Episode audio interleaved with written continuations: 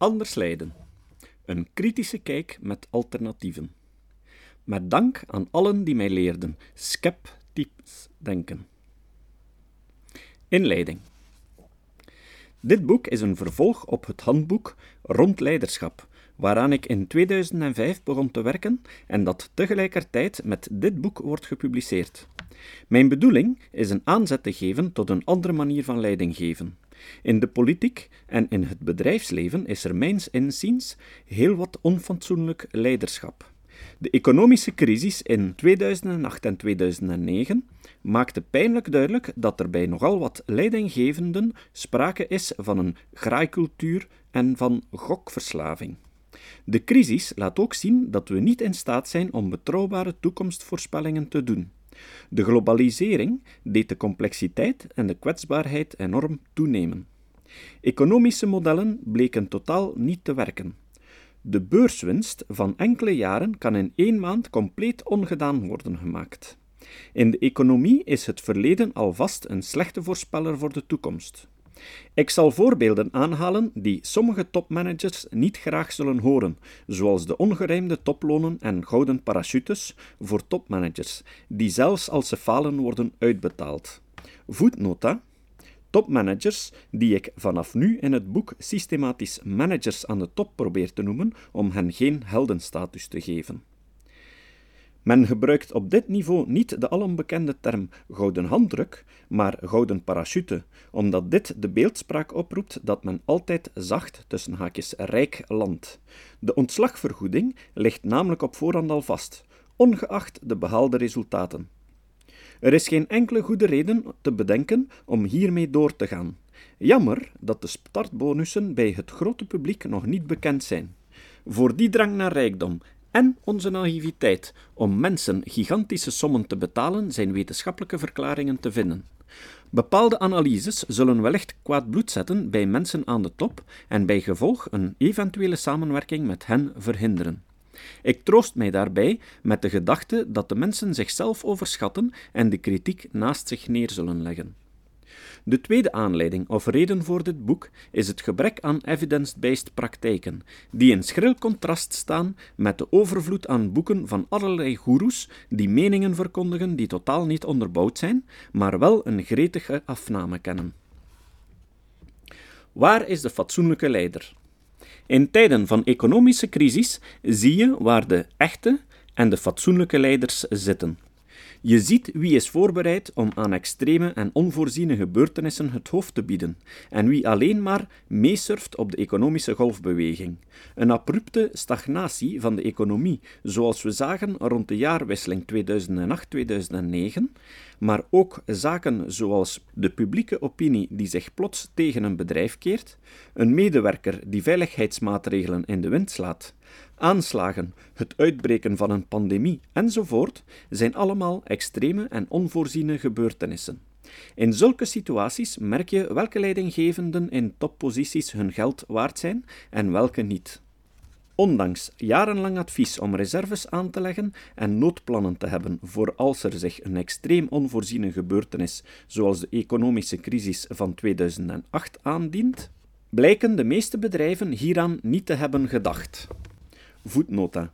Nassim Nicolas Taleb waarschuwt dat men zulke extreme gebeurtenissen niet kan tussen aanhalingstekens voorspellen.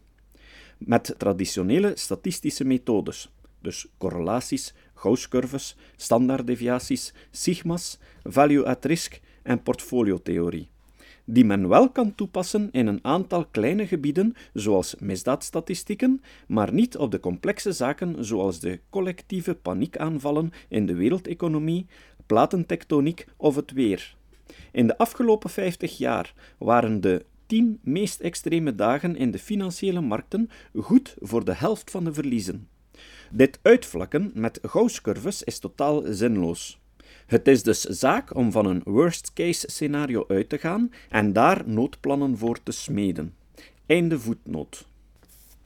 De econoom Hyman Minsky 2008 waarschuwde nogthans dat hetzelfde patroon zich keer op keer voordoet, wanneer het economisch al een tijdje goed gaat. Tussen haakjes mediocristan, treedgewenning, zelfgenoegzaamheid, speculatieve euforie en een achteruitgang van de waakzaamheid op.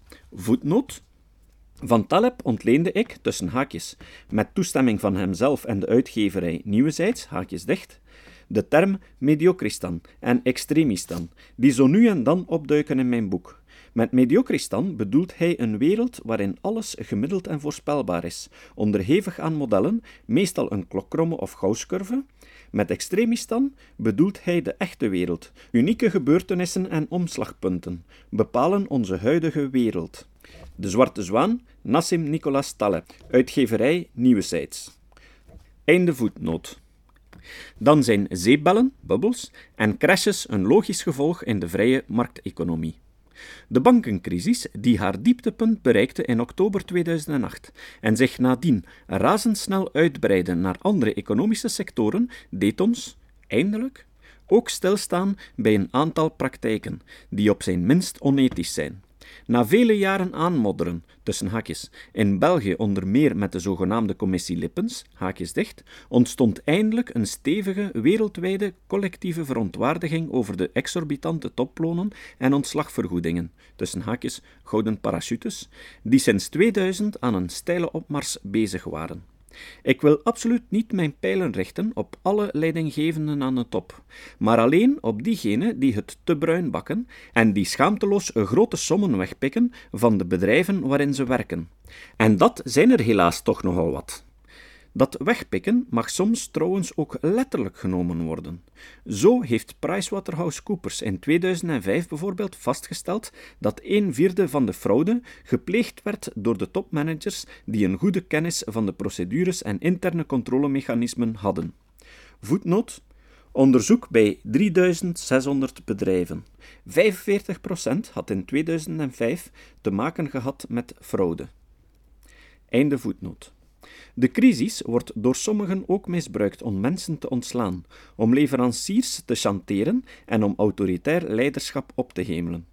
Nu het crisis is, mag men plots medewerkers bruskeren, leveranciers uitpersen en bedriegen, contractbreuk plegen en betalingstermijnen oeverloos rekken. Gelukkig ziet men ook golven van solidariteit in de samenleving. Gewone mensen willen minder werken en zelfs inleveren op hun loon om te vermijden dat collega's hun banen verliezen. Ook heel wat CEO's en personeelsdirecteurs proberen om zo weinig mogelijk mensen te ontslaan en nemen hun sociale verantwoordelijkheid. Het gebrek aan onderbouwde methodes en een aantal bedenkelijke praktijken waren voor mij aanleiding om bepaalde thema's uit te spitten en te kijken wat wetenschappelijk onderzoek zegt over bijvoorbeeld de topsalarissen, pay for performance enzovoort. Gaandeweg werd het mij duidelijk dat we anders moeten leiden.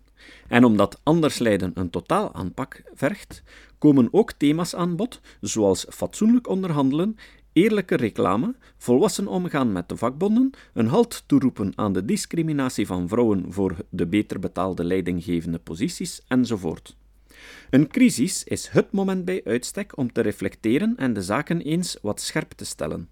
Om het met de woorden van Barack Obama en Hillary Clinton te zeggen: Never waste a good crisis. Evidence-based. Met enkele collega's ijver ik al jaren om evidence-based praktijken ingang te doen vinden in het bedrijfsleven. In eerste instantie moesten we ons eigen stoepje schoonvegen. Ook in ons bedrijf werd in het verleden niet getoetst of datgene wat in trainingen of individuele coaching verteld werd, een degelijke onderbouwing had. Zo werkten vroeger meerdere van onze ex-consulenten met bedenkelijke modellen zoals de typologie van MBTI, de leerstijl van Cope en Situational Leadership 2. We werkten ook met de teamrollen van Belbim, tot we ontdekten dat dit model in de academische wereld kritiek kreeg, zij het minder heftig en eenduidig. Dus besloten we ook deze teamroltrainingen op een laag pitje te zetten, ondanks aanzienlijke investeringen in opleiding. We konden gelukkig ook andere onwetenschappelijke modellen buiten de deur houden, zoals LIFO, NLP en transactionele analyse. Soms ging dit gepaard met het afscheid van vriendelijke, doch vaak wollige collega's.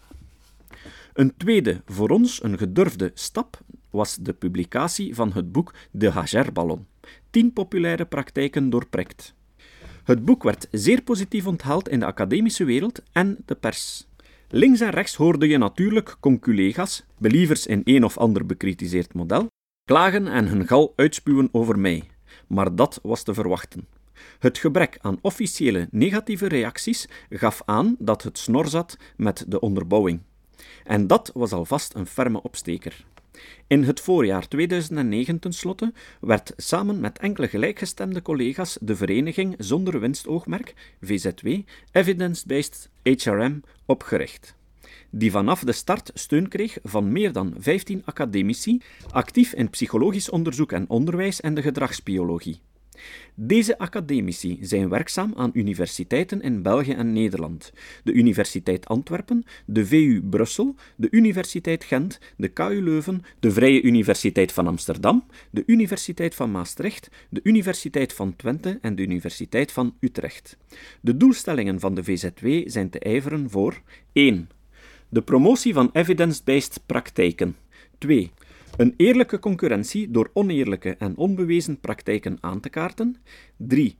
Wetten en controles die uitwassen moeten voorkomen en bestrijden. Ik wijt in dit boek dan ook een hoofdstuk aan de noodzaak om evidence-based te werken.